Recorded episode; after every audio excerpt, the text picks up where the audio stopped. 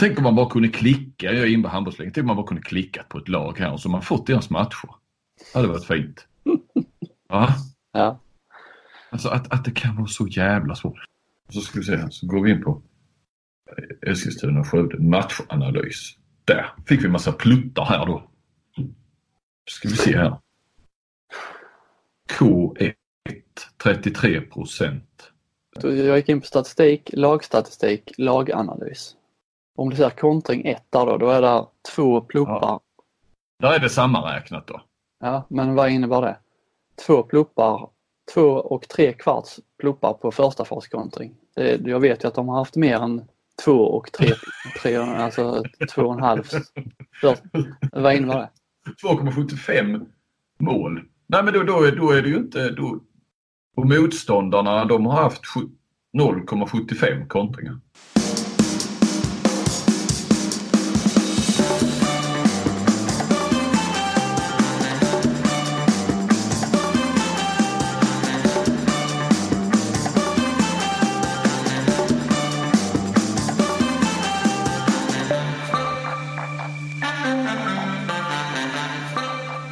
Flinke Otte är tillbaka. Bladets handbollspodd som den också kallas. Som ni hörde här nu i lite grann inledningen så eh, lät vi kanske lite förvirrade, lite frustrerade. Vad var det vi... Eh, varför var vi det, Robin? Alltså jag var inte ett dugg frustrerad från början men eh, du fastnade vid det här statistiken på handbollsligan.se som har ju varit en följetong ända sedan den här podden drog igång. Och den har blivit bättre och bättre och bättre men den är fortfarande bristfällig på många punkter. Bristfällig skulle jag säga bara förnamnet. Eh, jag är ju frustrerad men det är jag ju alltid när jag kommer in på eh, handbollsligans eh, statistiksidor. Eh, ja, vi, vi, vi kan inte förstå det och eh, jag vill än en gång då bara nämna att eh, i våras då i god tid inför säsongen så var jag på Peter Gensel eh, om att få till eh, en bättre statistik. En, en eh, ja, vad ska vi säga, vettig års... Eh, som, som, man, som man begriper. Eh, statistik från matcher som ackumuleras under säsongen som man kan gå in och se. Till exempel hur, eh, hur många kontringar, hur bra är lagen på att kontra, hur, många, hur kontringsvilliga är de, hur många mål gör de på kontring till exempel och kunna jämföra lagen. Eh, men det är en utopi än så länge. Eh, jag tog fram också precis hur man skulle kunna med modell från VM och EM eh, men där det då istället ska vara lite mer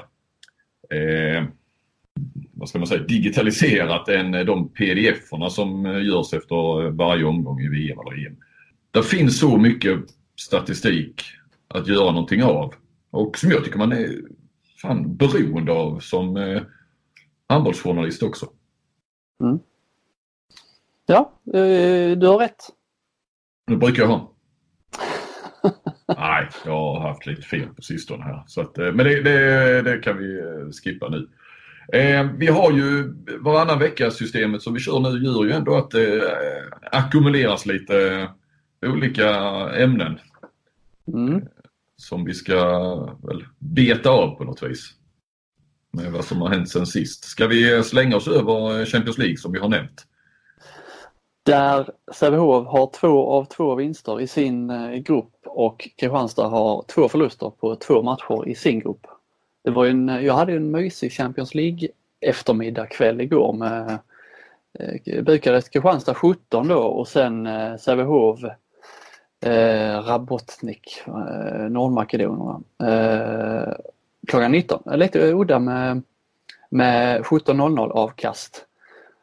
Och det, det, Kapelin hade ju solen i ögonen där i arenan, märklig arena där det, där det kan vara möjligt att spela med, alltså stå i mål och ha solen i ögonen. Det är inte så ofta man ser det i handboll. Inte ens i fotboll nu för tiden med de här stora arenorna men i handboll är det väl ytterst, ytterst sällan. Inte ens i eh, VM i Egypten där det, eh, solen sken var det väl så att eh, Thomas Svensson hade solen i ögonen va? Nej det tror jag inte. Det tror jag inte. Men eh, det, det hade Capelin. Jag vet inte om de... Det togs upp efter matchen av Rannis att Capelin hade solen i ögonen men han ville inte skylla på det. Och och eh, det gjorde han väl rätt i för det var inte mycket bättre målvaktsspel. Det var det i och för sig Leo Larsson i andra halvlek i, när de hade solen i ryggen så att säga. Men du såg ingen av matcherna gissar jag, du är väl i Ukraina? Precis, jag reste igår och sen var det fullt ös här med MFF som ska möta Dynamo Kiev senare ikväll här på torsdag. Torsdagskvällen, det är ju torsdag mitt på dagen när vi spelar in kan vi lägga mm. till. Mm. Ska vi börja med det roliga då, Sävehof som liksom eh, håller den svenska fanan högt så här långt i Champions League. Nu har de mött eh, Eh, Cox då som ligger sist i gruppen. De har bara spelat en match. Men de har ändå vunnit 2-2, hackat lite i handbollsligan men ändå eh, på den här, vid den här tidpunkten på säsongen är det ju Champions League är ju betydligt viktigare matcher än vad handbollsligan är. Och där har ju Sävehof lyckats eh, vara bra när det har behövts som bäst. Jag vet inte om det finns någon eh, prioritering så i, i eh, laguttagning eller eh, coaching eh, för att det ser ut så eller om de bara har mött sämre lag. Eh, men det är, ändå, det är ändå starkt, särskilt igår då de ligger under med fem mål i paus och ändå lyckas och får dessutom Salihi utvisad rött kort i slutet av första halvlek. Kliver Emil Berlin in där som man inte har sett så mycket av innan och han är inte så stor. Rätt tunn och inte jättelång och möter ett rätt fysiskt nordmakedonskt lag. Men ändå gör två mål där tror jag. Tar sig förbi de här kolosserna vid ett par tillfällen. Faktiskt rätt coolt att se. Imponerande Sävehof överlag där i andra halvlek. Eh, visar att det liksom ja, någon slags, eh, det man brukar säga mental styrka när man ligger under med fem och ändå eh, lyckas vända och vinna där. I Europaspel mot eh, betydligt mer rutinerade motståndare. Eh, så det var imponerande. Eh, sen ska man väl ärligt säga också att den gruppen som Sävehof har är väl inte riktigt lika bra som eh, grupp D då med Kristianstad. Nej, så är det väl att, att de hade lite mer flyt i, i lottningen Sävehof där och har väl inte heller mött de, de starkaste lagen i den gruppen ännu heller. Men eh, jag håller med där. Emil Berlin eh, gick ju in då på handbollsligan skulle kolla lite statistik. Se hur mycket han hade spelat egentligen. Men det, det var där vi hamnade. Det var därför du ja, ja, det var där det började hela den här eh, återkommande irritationen eh, mot statistik där. Det eh, gick ju inte riktigt att förstå eh, om han hade gjort, eh, många matcher han hade gjort i handbollsligan. Om det var två stycken totalt nu eller om det var eh, fyra. Eh, hur många mål han har gjort? Ja, han kan ha gjort ett, stod det, med totalt eh, så de lagt ihop det till, för det var uppdelat på två säsonger. Det var ett mål förra säsongen och, men totalt ska han ha gjort fem. Mm. Eh, det är någonting som inte stämmer. Men eh, han har inte gjort några större avtryck i i eh, handbollsligan ännu i alla fall. Så eh, det är imponerande och det är ju då ännu en sån här egen produkt verkligen. Startade väl då i handbollsskolan gissar jag. Han har i alla fall Sävehof som, som moderklubb.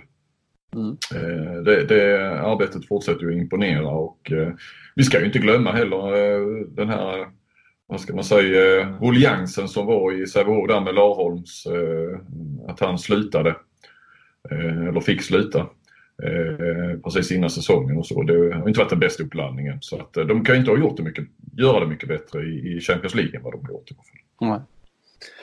Det är väl just de här två Sporting, portugiserna är väl favoriter gissar jag i, i den gruppen. Men de slog faktiskt bara Rabotnik som Sävehof nu slog. Eh, Sporting slog också bara dem med ett mål, eh, visserligen på bortaplan men eh, jag menar så Sävehof borde ha hyfsade chanser ändå och, och, och vara med och nosa på de här två översta platserna vilket ju hade varit eh, bra, inte bara för Sävehof utan då för svensk handboll som vi ja, var inne på sist. Som, som vi värnar om.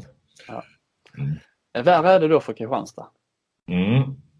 Som ju eh, åkte till Rumänien och spelade en första halvlek som var, eh, alltså inte bara Kristianstad utan halvleken som sådan var Ja, det var en av de sämre jag har sett.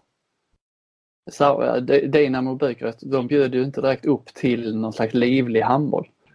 Eh, Nej. De promenerar ju upp riktigt så här gammaldags så fort de fick bollen. Det fanns liksom ingen, eh, ingen vilja alls att, att springa upp i anfallen och åtminstone försöka få till några andra faser och så här utan det var eh, verkligen en promenad till motståndarnas planhalva. Och eh, med då eh, ganska dålig räddningsprocent så kunde de ju skjuta lite eh, vad som helst ifrån för att det blev ju mål eh, ändå. Och Kristianstad då med sina problem som vi har nämnt där de inte riktigt har något. Eh, nu var Olaf med visserligen och är väl alltjämt det enda riktiga hotet på, på 9 meter där i Kristianstad. Och det, man ser ju mot lag som är lite fysiska och står lågt så kommer Kristianstad få problem med, med fler lag i den här gruppen. Jag läste i Fyn, Fyns tidning där efter GOG-matchen att eh, Kristianstad var eh, deras reporter som var på plats eh, bedömde i alla fall att Kristianstad var det sämsta laget i gruppen. Okej. Okay. Eh, ja, alltså jag menar tittar vi bara lite snabbt så så jag menar du har ju Vissla Plock då som eh, eh, Alltså det är ju lite tyngre. Det är ju väldigt mycket Champions League-erfarenhet i, i de här Schaffhausen, Vissla Plock, eh, Medvedi från, mm. från Ryssland. Så, eh, ja, Bukarest gick ju vidare från en av de här CD-grupperna förra året och spelat i Champions League lika många år som Kristianstad har gjort så de är ju, eh, det är liksom inget eh, sop, sopgäng de åker och möter. Eh, det är inte det liksom att de förlorar borta i Rumänien, det kan man väl, eh, det är väl inte hela världen så. Det var mer att Bukarest var inte så bra som man tänker att eh, det här borde kanske Kristianstad tagit och man märker liksom det på reaktioner med att det här var en katastrof om man tittar följer lite sociala medier och Facebook och sådana här grejer så märker man att det folk det, liksom, de glömmer bort att Kristianstad, den truppen de har idag är ju inte den truppen de hade för två, tre år sedan. Där de kunde vara med och nosa, alltså där de hemma på hemmaplan kunde röra vilket lag som helst. Eh, hade de haft de lagen och mött Bukarest borta och förlorat, då förstår jag att då hade det varit eh, uselt katastrof. Då, då är ju Bukarest ett lag man ska slå. Mm. Men kanske att den här säsongen är inte Bukarest ett lag man ska slå hur eh, kassa de än är för att eh, fysiskt är de starkare. Får de då träff på sin målvakt så är det liksom inte mycket som talar till Kristianstads fördel. För att spela snabb handboll och så här eh, kontra mycket, det kan man göra men det är svårt när det blir när man släpper in mål hela tiden. Ja, nu, nu förstod jag då, jag har ju inte sett matcherna här men, men eh, Kristianstad brukar ändå kunna lita sig mot sina målvakter. Eh, bortskämda med ofta med bra, att någon av dem fungerar ju. Eh, mm. Inte minst i Champions League där, det har varit Kapelin framförallt. Eh, så det är klart när man inte gör det, eller inte kan göra det så eh, då blir det ju extra, extra svårt att vinna. Men eh, så du vill eh, nyansera lite där, alltså folk har inte riktigt fattat eh, heller i Kristianstad, alltså fansen att Nej, men det, det, det är de inte det Kristianstad som det var? Jag har väl inte fattat det själv. Jag höll själv Kristianstad som ett eh, lag som eh, skulle vara med och utmana en topp två men kanske får man själv också sänka förväntningarna. De är ju, jag tycker de här två matcherna har visat att eh, de är inte så starka. De har svårt mot, eh, svårt lag blir fysiska och eh, man är inte så vassa Eh, kontringsmässigt, försvarsmässigt, uppenbarligen målvaktsmässigt som man har varit de, eh, de tidigare säsongerna. Och då har man ändå kunnat, eh, även om man inte har fått full utdelning i sitt kontringsspel, så har man åtminstone haft lite hot. Man har haft eh, då, eh, som är ju eh, hopplöst ensam nu. Man har haft eh, Albin Lagergren och Moen, framförallt då i fjol som var i Champions League var han ju absolut viktigaste spelaren och den enda egentligen som, eh, vid sidan av Olafur som, som kunde mäta sig med lite fysiska lag och kunde gå upp och bomba dit lite enkla mål. Men nu blir det, liksom, nu blir det inte några enkla mål. Och det är ju tufft då när man är fysiskt underlägsen och står och stångas mot, eh, mot stora motståndare i 60 minuter och dessutom har ett litet nytt spel som man inte har kommit in i och dess målvaktsträff får man inte. Eh, det är inte, då är det liksom inte så mycket som talar för att man ska ta poäng. Nej. Samtidigt då så är det ju det är inte borta mot Bukarest som det kommer att avgöra om de eh, kommer med i topp två. De måste ju, om vi utgår från att GOG vinner gruppen, så visst de har förlorat mot dem hemma men det är det fler lag som kommer att göra. Så att Kristianstad måste börja vinna sina hemmamatcher och plocka då eh, par bortamatcher åtminstone. Eh, och nu har ju Bukarest, nu är den chansen eh, förbi. Nu är det Plock som förlorade sin första match eh, som de har nästa helg. Så att kört skulle jag inte säga att det är men det, det, jag tycker att de har blivit avslöjade de här första omgångarna. Varför, men varför, varför kan inte Kristianstad ställa en så trupp, bra trupp på, på benen längre som, som man kunde för ett par år sedan? Är det, är liksom, räcker inte pengarna till eller har man... Eh... Ja, dels, de har ju, har ju ett tufft ekonomiskt år bakom sig där. Sen har de ju, alltså det är ju, de har haft lite så här kontraktsläget känns liksom eh, var rätt otajmat eh, inför den här säsongen. Det var alla hade kontrakt utom de två bästa spelarna och de lämnade. Och sen har de då kontrakt, jag gissar att de skulle vilja, hade de kunnat så hade de nog velat eh, säga upp ett par tre kontrakt inför detta året men eh, så funkar det inte.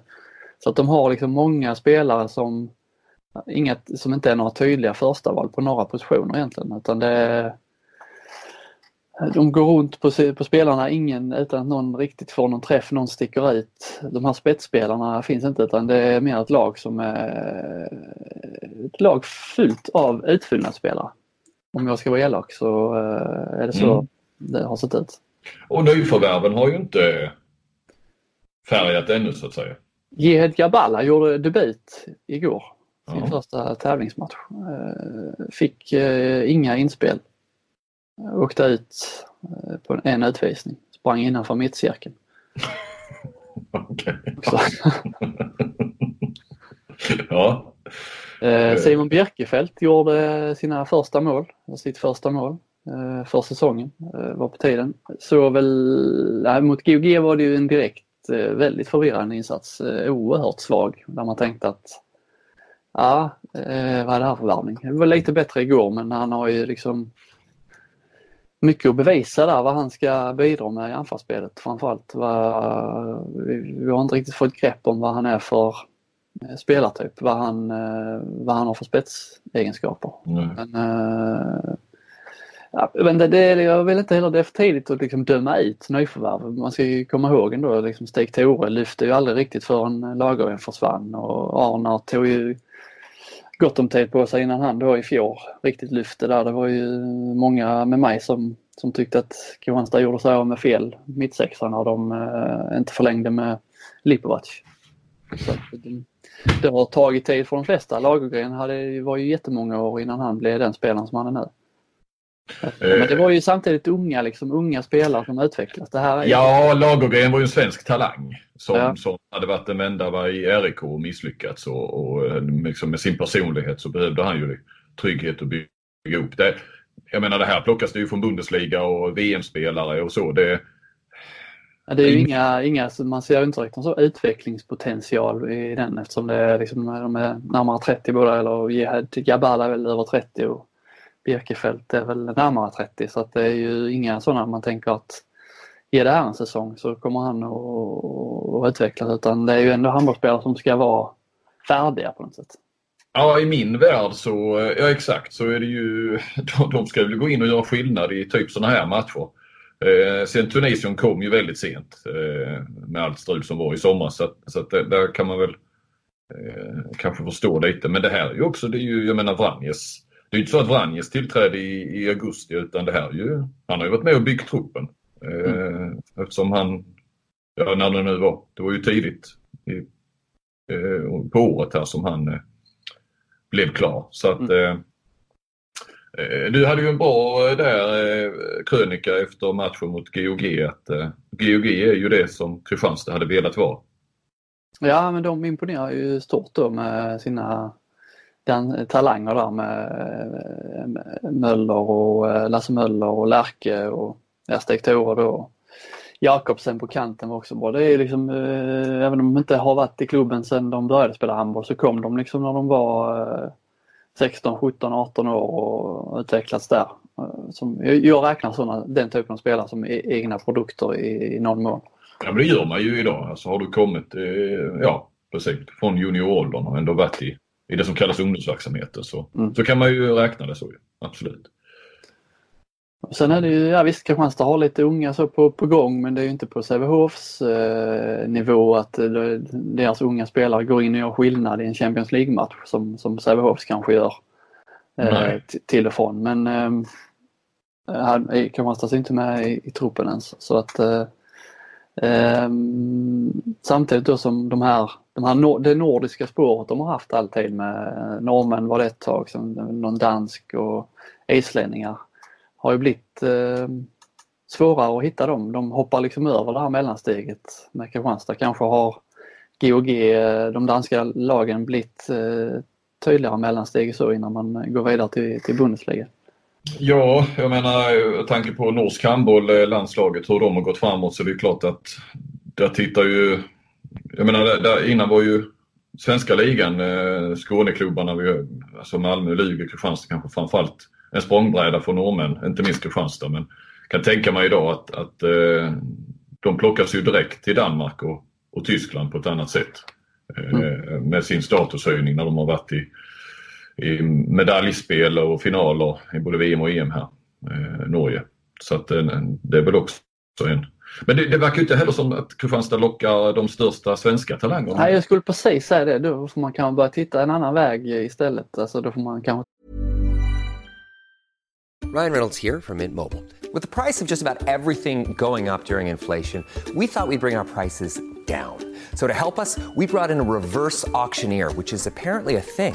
Mint Mobile unlimited premium wireless. Ready to get 30, 30, bit to get 30, bit to get 20, 20, 20, bit to get 20, 20, bit to get 15, 15, 15, 15 just 15 bucks a month. So, Give it a try at mintmobile.com/switch. slash $45 up front for 3 months plus taxes and fees. Promo rate for new customers for limited time. Unlimited more than 40 gigabytes per month slows. Full terms at mintmobile.com.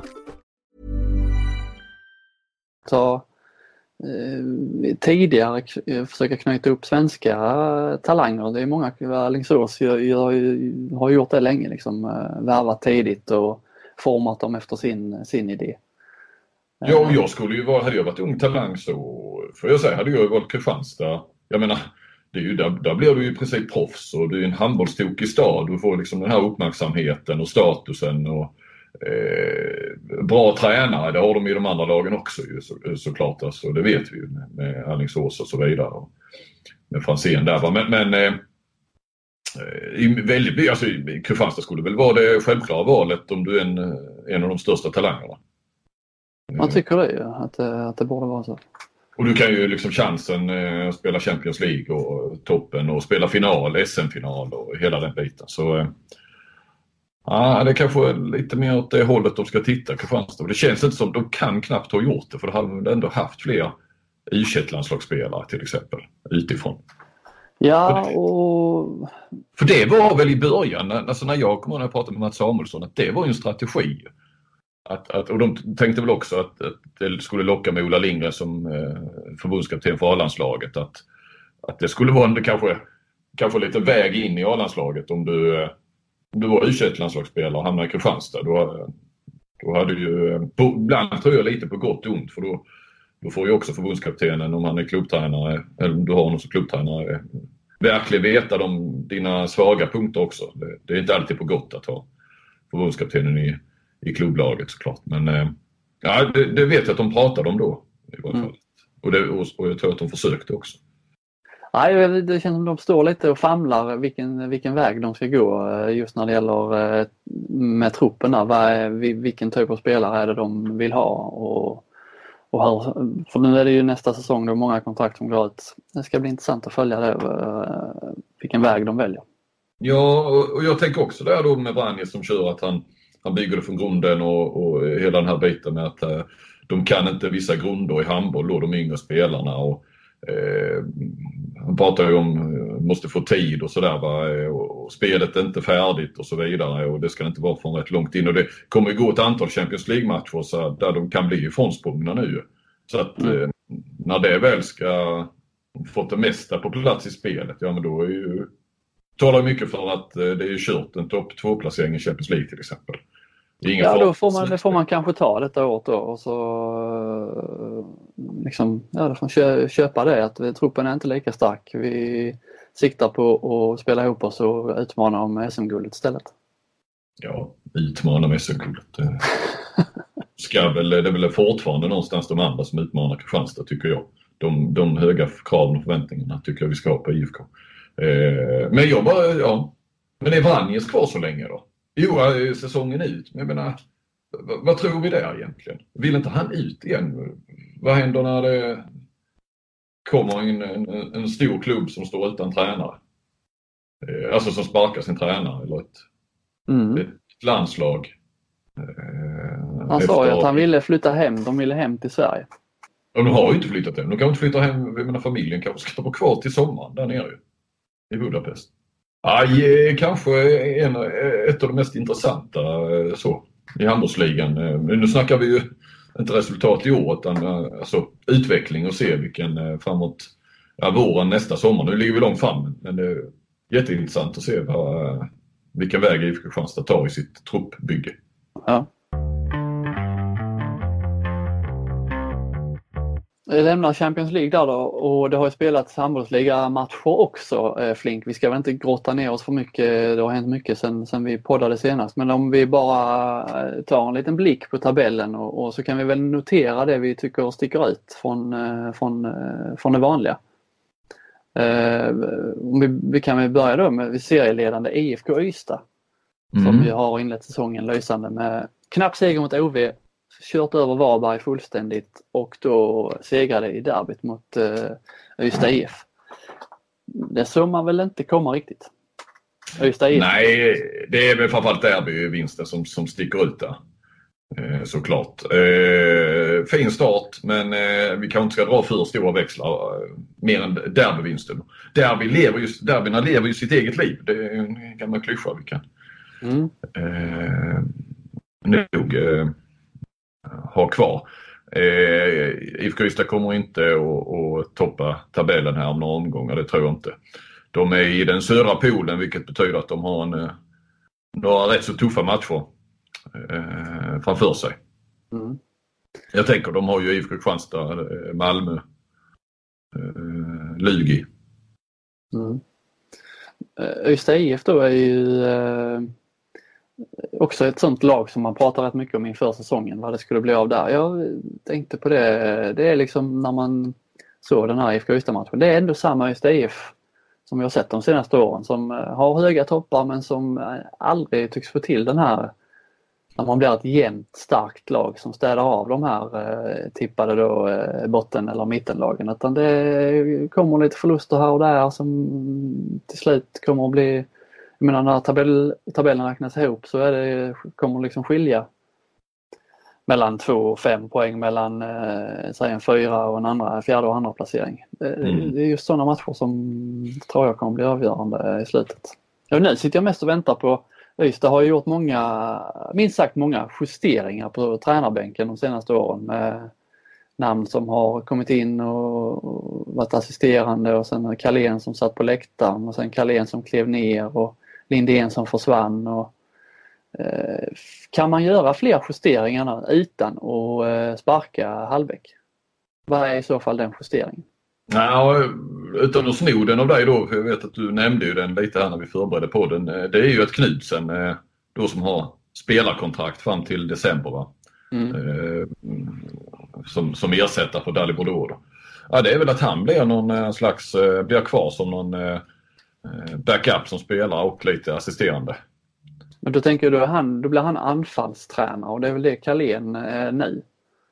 Mm. Eh, så men då tvingar man inte in Carlén då i någon slags huvudtränarroll och så får Jerry Hallbäck backa tillbaka och vara försvarstränare. Det är, det är den enda justeringen jag kan se man kan göra. Om man nu vill göra justeringar. Det är, det är bara, jag bara spekulerar fritt här eh, med tanke på, med tanke på starten i, i ligan. Ja, och inför, säsong, inför säsongen var det ju ändå lite sådär, det pratade vi här också om, att det, att det skulle vara Jerry Hallbäck som, som hänger mest löst på förhand.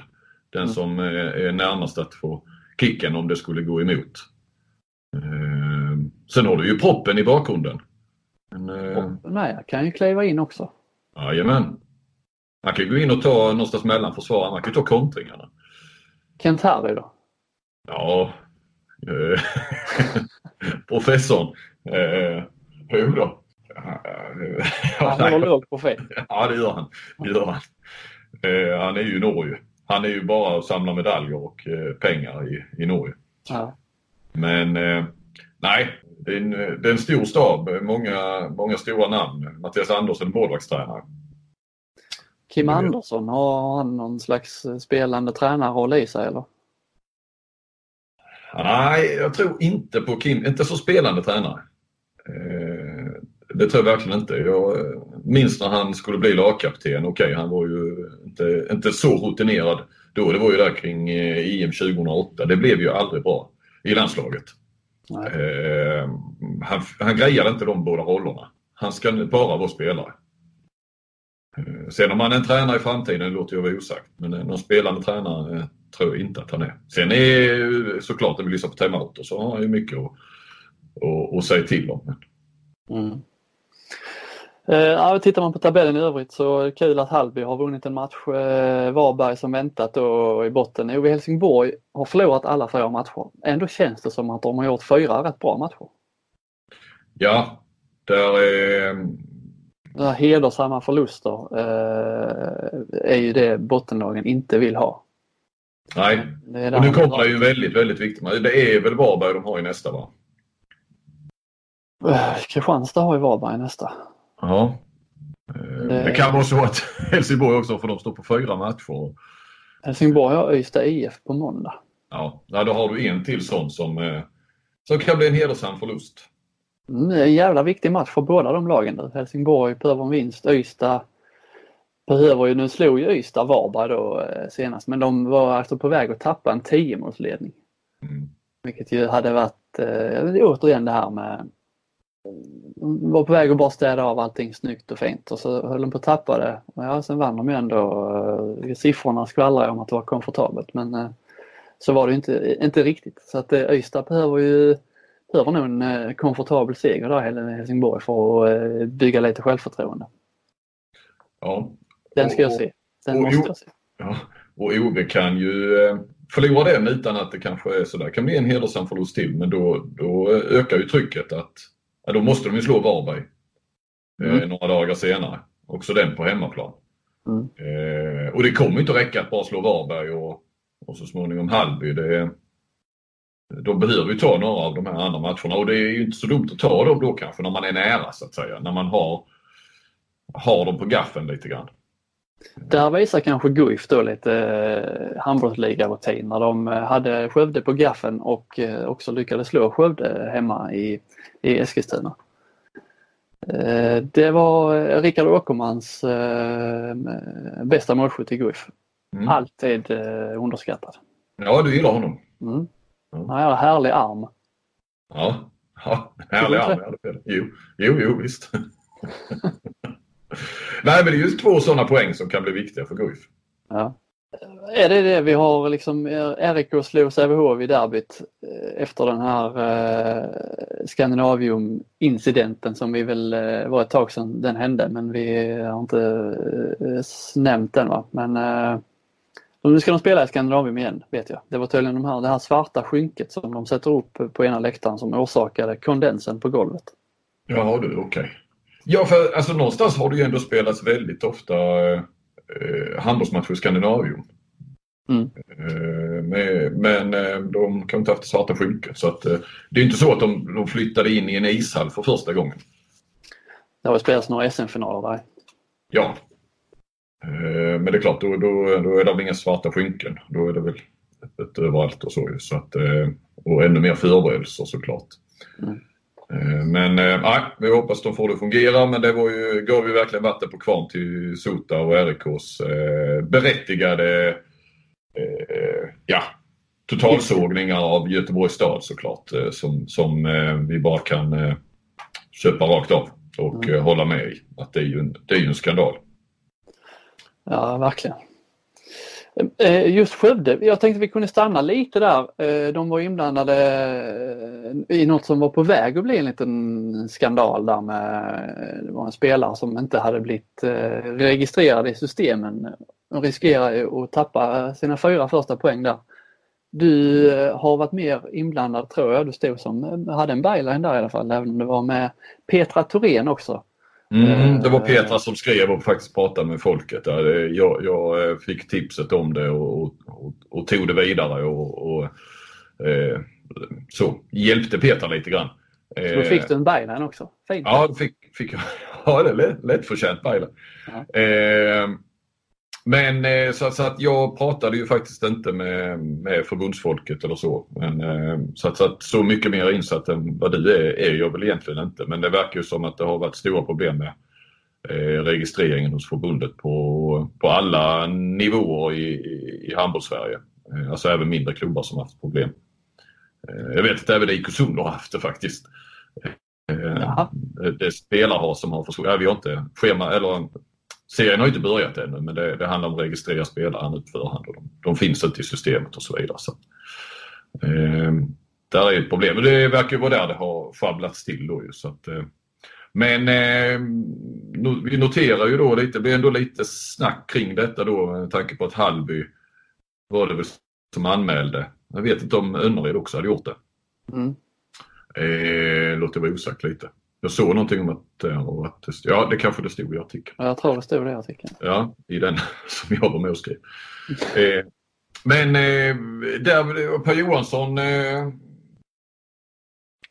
tyckte ju inte om det kan man ju säga. Han twittrade lite grann om det där. Mm. Att, eh, det var väl lite småaktigt att eh, anmäla för en sån sak och försöka få med sig lite poäng. Eh. Modigt som nykomling tycker jag Hallby där och, och gå in och köra en sån anmälning. Och eh, det är lite så man riskerar lite bad will hos de andra klubbarna när man kommer upp. Jag tycker det är eh, Jag vet inte om det visar karaktär men det visar på mod i alla fall.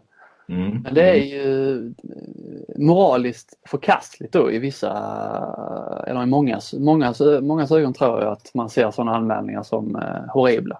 Det har skett ibland på ungdomsnivå också att man anmäler i ISM och så här, man anmäler eh, motståndarna för att det är någon spelare som eh, eh, inte har varit registrerad eller har varit registrerad från någon annan klubb och så här och så letar man i paragraferna och där, på ungdomsnivå tycker jag kanske att det är mer eh, det, där tycker jag det är mer förkastligt. Eh, och paja för, för ungdomslag, det är liksom det är inte hela världen i, på sådana nivåer. Eh, samtidigt, ja, reglerna ska följas. Eh, jag vet inte var, var, du står. Tycker du att det är bra att det anmäls, att det kommer upp till ytan eller ska man bara påpeka det lite snällt och eh, spela vidare? Jag vet inte. Alltså, det här blev ju ganska bra på något vis. När det nu visade sig att det var eh, ett systemfel hos förbundet så, så det kom ju upp till ytan. De kollade. Å andra sidan hade väl man kunde gå mer en informell väg kanske då. Eh, Hallby kanske att man, jag vet inte. Men det, samtidigt kanske man måste anmäla för att det ska ta tag. Jag vet inte det. Vad tycker du? Du tycker att det var alltså, modigt och så? Mm. Ja, men jag hade velat veta om Hallby hade vunnit liksom. Hade de eh, anmält då också? Nej, då har han kanske gått den mer informella vägen då. Ja, jag tycker man ska vara eh, rakryggad nog liksom och eh, inte bara leta, leta fel och kolla i paragraferna när man eh, råkar förlora. Utan, eh, för det, när man förlorar matcher och sen anmäler det, tycker det, det, bara, det blir liksom lite dålig förlorarstämpel och sånt. Mm, mm. Utan då får man stå, ser man något fel då får man anmäla även om eh, man har vunnit matchen för det är mycket fel fortfarande. Mm. Eh, så att eh, just i Hallbyfallet det kanske de hade gjort, jag vet inte. Men eh, det hade jag velat se i så fall. Ja. Jag tänkte på det, det finns ju andra saker då i handbollens mysiga värld som är saker som följer reglementet men som ändå bedöms som moraliskt förkastligt. Eller regelmässigt tvivelaktigt kanske jag ska säga då. Saker som liksom lag gör eller klubbar gör som eh, är helt okej okay, eh, men som ändå gör att de får ta emot skit då från, eh, från delar av övriga handbolls-Sverige. Det finns ju några sådana saker. Mm. Jag tänker till exempel då på klassikern när en tränare tar timeout i stor ledning med typ 30 sekunder kvar. Mm. Det är ju fullt tillåtet. Men det Ja, är, är, liksom en och sån... den är rätt vanlig ändå, visst är den det? Ja, den är rätt vanlig. Och varje gång det sker så tittar man på motståndartränaren. Oh, nu kokar han inombords. Kan han hålla det inom sig? Ja. Eh, Men det är ju en riktig sån klassiker. Det är eh, osportsligt uppträdande. Eh, Ibland kanske det är osportsligt uppträdande. Man vill bara liksom strö salt i såren. Ibland kanske man har någon slags plan med att vi ska öva på detta och detta i i det sista anfallet. Men det är en rätt tydlig sån sak som eh, följer reglementet till punkt och pricka. finns inga fel så men att det ändå finns en eh, moralisk, moralisk tveksamhet kring, eh, kring det agerandet. Tycker du det är kul eller blir du frustrerad på läktaren? Ja, jag blir frustrerad.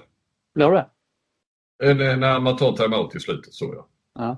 Ja, men jag tycker också, jag tycker det är, är liksom lite, det är lite förnedring och alltså någonstans vill man väl också, vill inte alla bara att matchen, en ojämn handbollsmatch är ganska ointressant.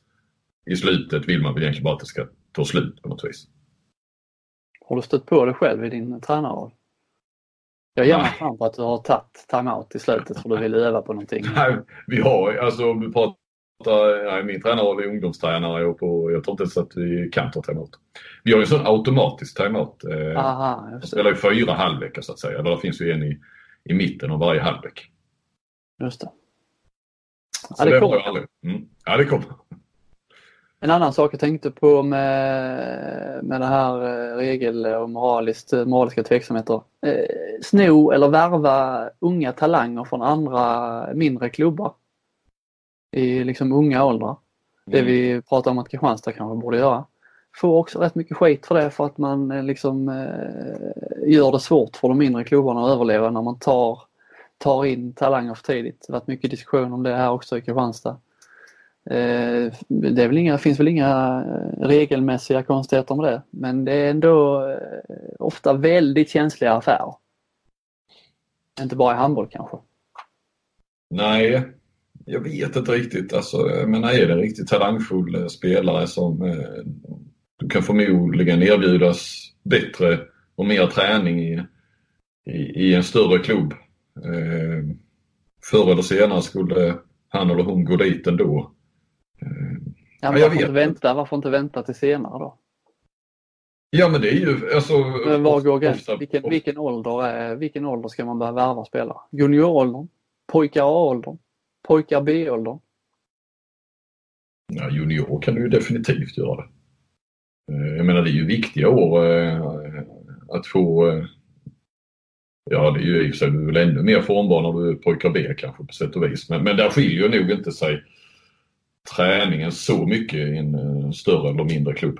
Alltså du kan ju ha en fantastisk tränare också i en mindre klubb såklart. Som, som, alltså det är ju jättesvårt att säga men Ja, det är, det är rätt, det jag tycker det är rätt mycket upp till, eh, alltså det precis som, eh, ja alltså det är, man får bedöma från individ till individ. Ja, men det gäller ju att göra det på ett snyggt sätt i så fall också. Jag menar, jag förstår ju den talangen som blir uppvaktad att, att den gärna vill. Va? Men det, det får ju verkligen gå rätt till. Eh, för, för är vi nere i unga åldrar så snackar vi ungdomar och barn nästan. Alltså, eh, ja, ja, jag tycker det är svårt att gener- jättesvårt att generalisera. Eh, Men värre är det, går, det går att göra på snygga och osnygga sätt också. Värre är det när hela årskullar, flytt, man, man flyttar in ett helt lag till en eh, större klubb. Absolut.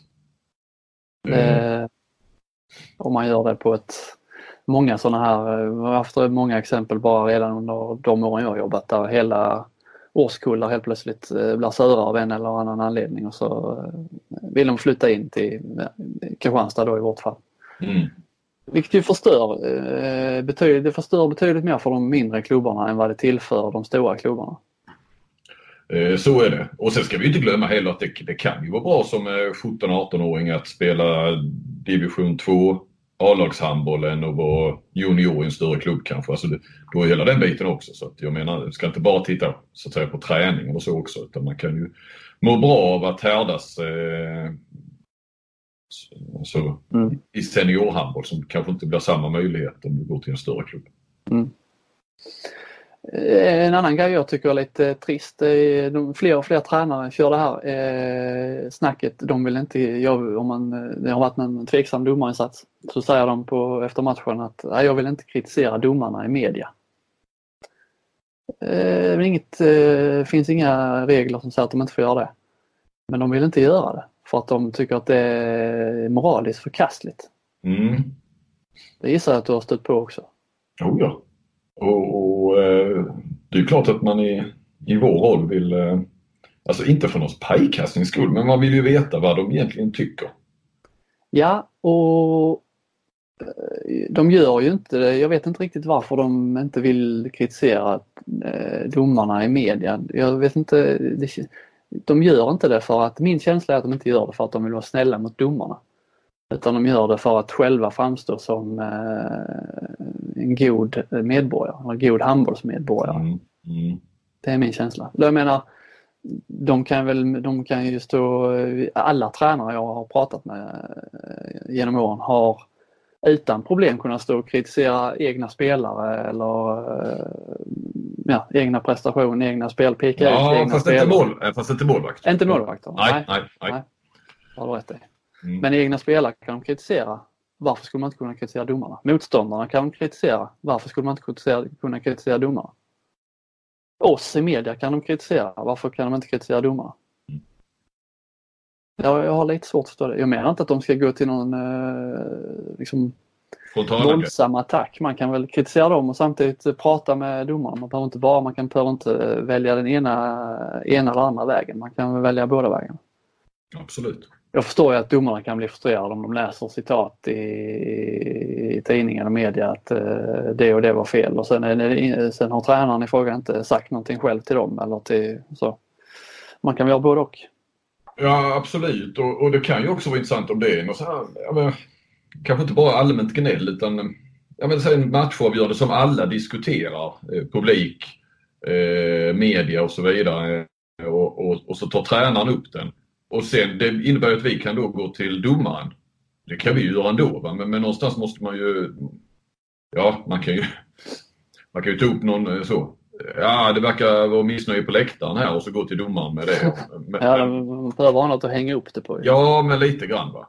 Att man får liksom mer en saklig eh, och så får domarna eh, förklara sig. Det kanske är någonting som tränaren eller alla har missat i, Ja, du missar ju ingenting i, i regelverket. Men... Jo, jag hade missat något senast i vår förra podd, Mäkinen, han skrev sms till mig att eh, eh, nästan lite så, han eh, ville härska lite där. Han skrev, jag förstår att du har haft mycket att göra med 7 mot 6 men du hade, det var kanske därför du inte var, hade så mycket koll på reglerna. ja, 28, 28 sidor, 7 mot 6 var ju sin debut. ja, jag tror att det var någonting med blåa kort. Jag bara gissar för att jag fick aldrig något svar på vad det var som var fel. Men jag Nej. gissar att det var... han, ja, ja. Han bara påpekar utan att eh, liksom förklara. ja, jag, får, jag, jag får ringa upp honom eh, när jag får tid här och reda ut vad det var som var fel.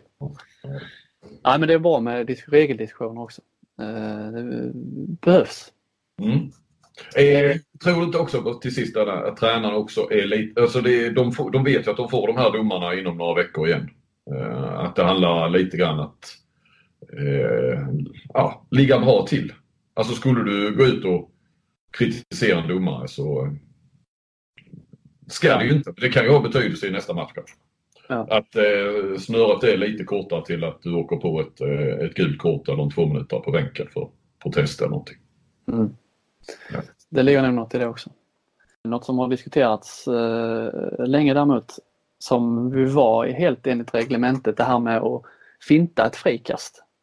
Mittsexan, stackars mittsexan då. Varje gång det döms ett frikast så eh, tar 9 spelaren bollen, bara släpper den på marken varje, vid varje anfall, flera gånger på anfall, får den stackars mittsexan gå och plocka upp den på marken istället för att bara få den i handen av eh, spelaren som, som har bollen. Mm. Det, det är sånt det, jag kan störa mig, störa mig på det. En av de sakerna jag stör mig på oftast när det gäller handboll. Jävla otrevliga medspelare. Motspelare? Nej, medspelare. Jag menar om Ludvig Hall, Hallbäck Jaha. försöker gå på genombrott. Ja. Han får frikast. Ja. Ja, vad gör han då? Han ger inte bollen till Mario Lipovic. Nej, han lägger den på marken så Lipovic får plocka upp den. Som en hund som springer efter. Nej, det stör mig på det Här pissar halv, halvväg på, på Lipovic. Hade jag varit, hade jag varit eh, mittsexa så hade jag rutit ifrån. Varför ska det se ut på det sättet? Men eh, du ska inte vara tråkig, men handlar det inte om att vinna lite tid? Om han lägger den där så tar det lite tid innan. Så, så då hinner liksom Hallbäck komma ut och komma i, i, eh, i rätt position så att säga. Man hinner ställa upp lite grann. Det är väl samma där, alltså försvararen då, eh, alltså om det är frikast och försvararen har bollen så lägger han ju den för att vinna lite tid så att du samlar ihop försvaret så att säga. Innan frikast. Ja, det, det kanske de skulle säga som en efterhandskonstruktion men det tror jag inte. Nej, nej, nej. Utan det är att de... Dessutom risk... Av mittsex. Ja. ja, och dessutom riskerar de ju att om de är utanför frikastlinjen och bara släpper bollen riskerar de ju att motståndaren tar den innan mittsexan hinner. Mm. Nu blåser de flesta domarna liksom om frikastet och app, app, app, fel ställe. Mm. Men det finns ändå risk. Filip Henningsson är alltid vaken och försöker alltid sno bollen i sådana situationer men blir avblåst i 99 fall av 100. Men det betyder ju att, att det måste ha gått hem någon gång eh, för Henningsson. Annars hade han inte fortsatt med det. Han måste ha gjort det då någon gång kanske som eh, pojkar A-spelare nere i H65 eller var han nu är ifrån. Ja, han hade ett, något lyckosamt eh, ingripande där ja. Ja. Eh, I alla fall, det var inte det. det var, sen var det då mittsexan som felade menar jag. Eh, som är liksom, det är moraliskt förkastligt när han sen fintar ett frikast så att försvarsspelarna rusar upp. Mm. Ja, och så domarna då är de tvungna att blåsa utvisning. Mm. Och försvaret har lämnat eh, sin plats. Det är ju med jag vet inte, de har ju, gjorde någonting åt det i fjol där att de slutade ta utvisningar. Eh, men eh, fram till dess har det i alla fall varit, det är fortfarande tillåtet men jag tror inte de är lika hårda på det där med att blåsa utvisningar. Men det är ju liksom någonting som är tillåtet enligt reglementet men ändå det är fult. Det är minst sagt tvivelaktigt beteende. Mm, mm. Ja, ja. Mm. Det är bra. Har vi något mer? Moralpolisen. eh, nej, jag tror att du har, du har nu tänt det mesta när det kommer till eh, det moraliska i handbollen. Ja. Var frispråkig har jag också skrivit upp i media eller sociala medier. Eh, är det inte så många tränare som är, sticker ut liksom, sticker ut hakan. Ja, de stack ut innan de blev tränare. Eller innan mm. de i alla fall blev eh, tränare i ja, ligan.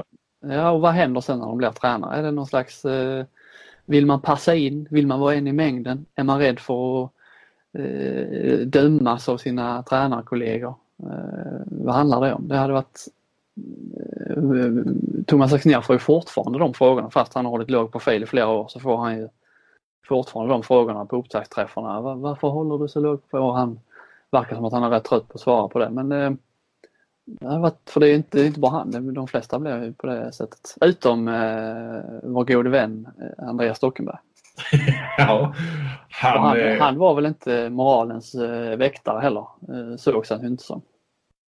Nej, verkligen inte. Och nu är han då i Amo där i Småland. Och, eh, det, det, är lite sådär, eh, i Alstermo kan ingen höra dig skrika känns det lite. Eh, han försöker ju då på Twitter, eh, Stocken, hela, hela tiden.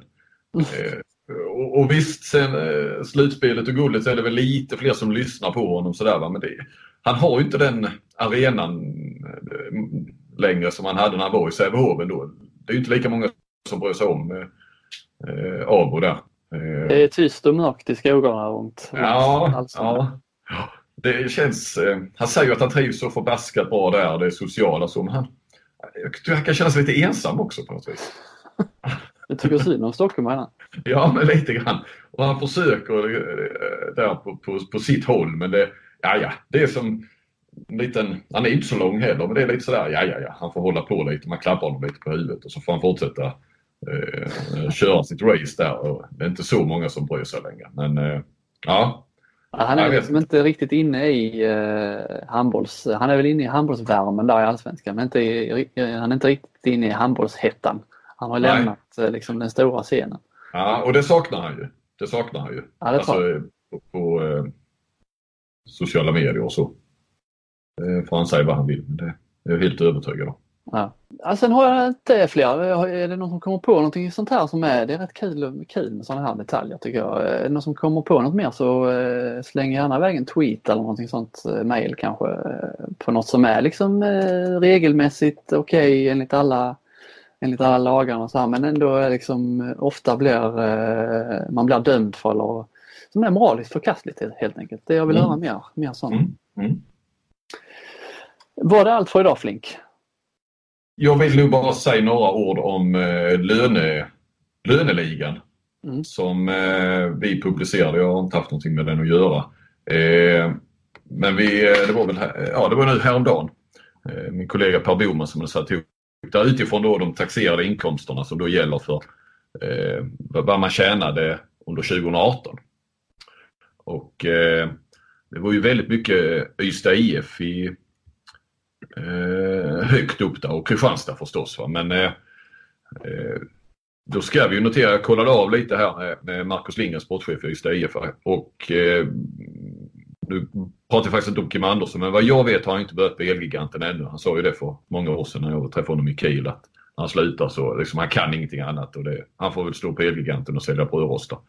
Eh, men jag tror inte han har börjat där. Jag tror att han bara spelar handboll och han är ju Eh, ska vi se, vad är en, två, tre, fyra, femma på listan. Men, men eh, de andra då, lagkamraterna som är högt upp där, de eh, jobbar ju mer eller mindre vid sidan om också. Det ska vi nog veta när, när, eh, eh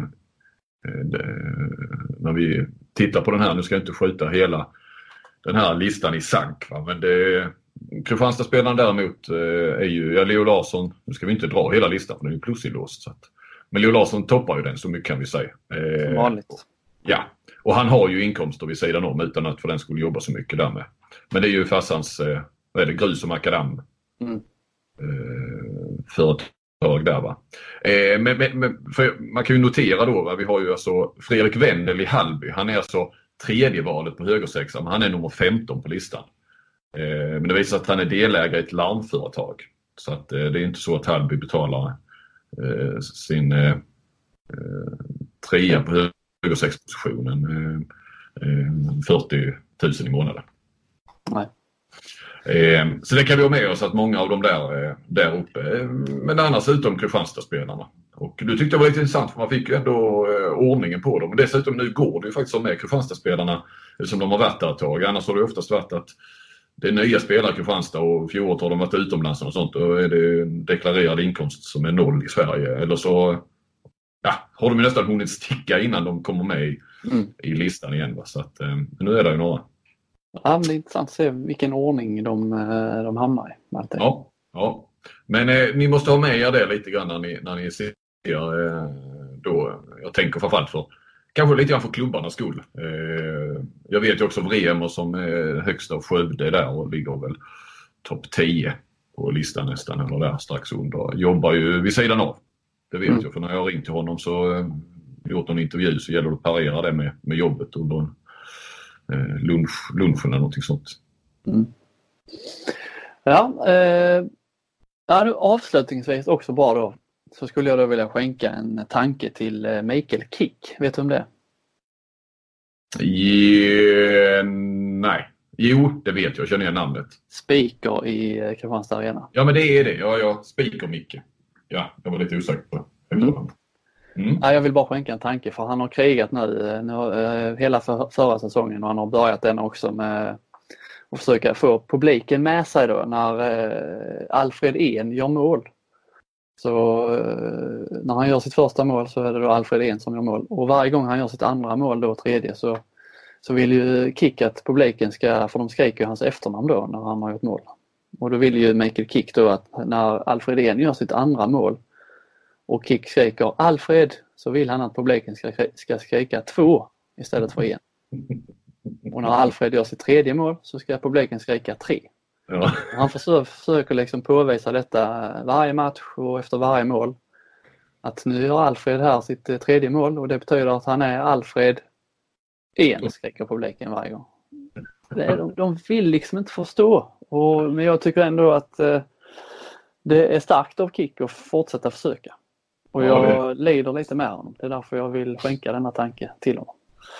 Eh, Bra Flink. Det har varit ett matigt avsnitt detta. Vi eh, är tillbaka om två veckor. Blir det va? Ja men det är det. Det är vi. Absolut. Ja. kör vi igen. Får vi se vad stocken han har hunnit skrika om fram till dess. Ja ja det var bra. Tack för idag. Tack själv. Och tack alla ni som lyssnar. Hej.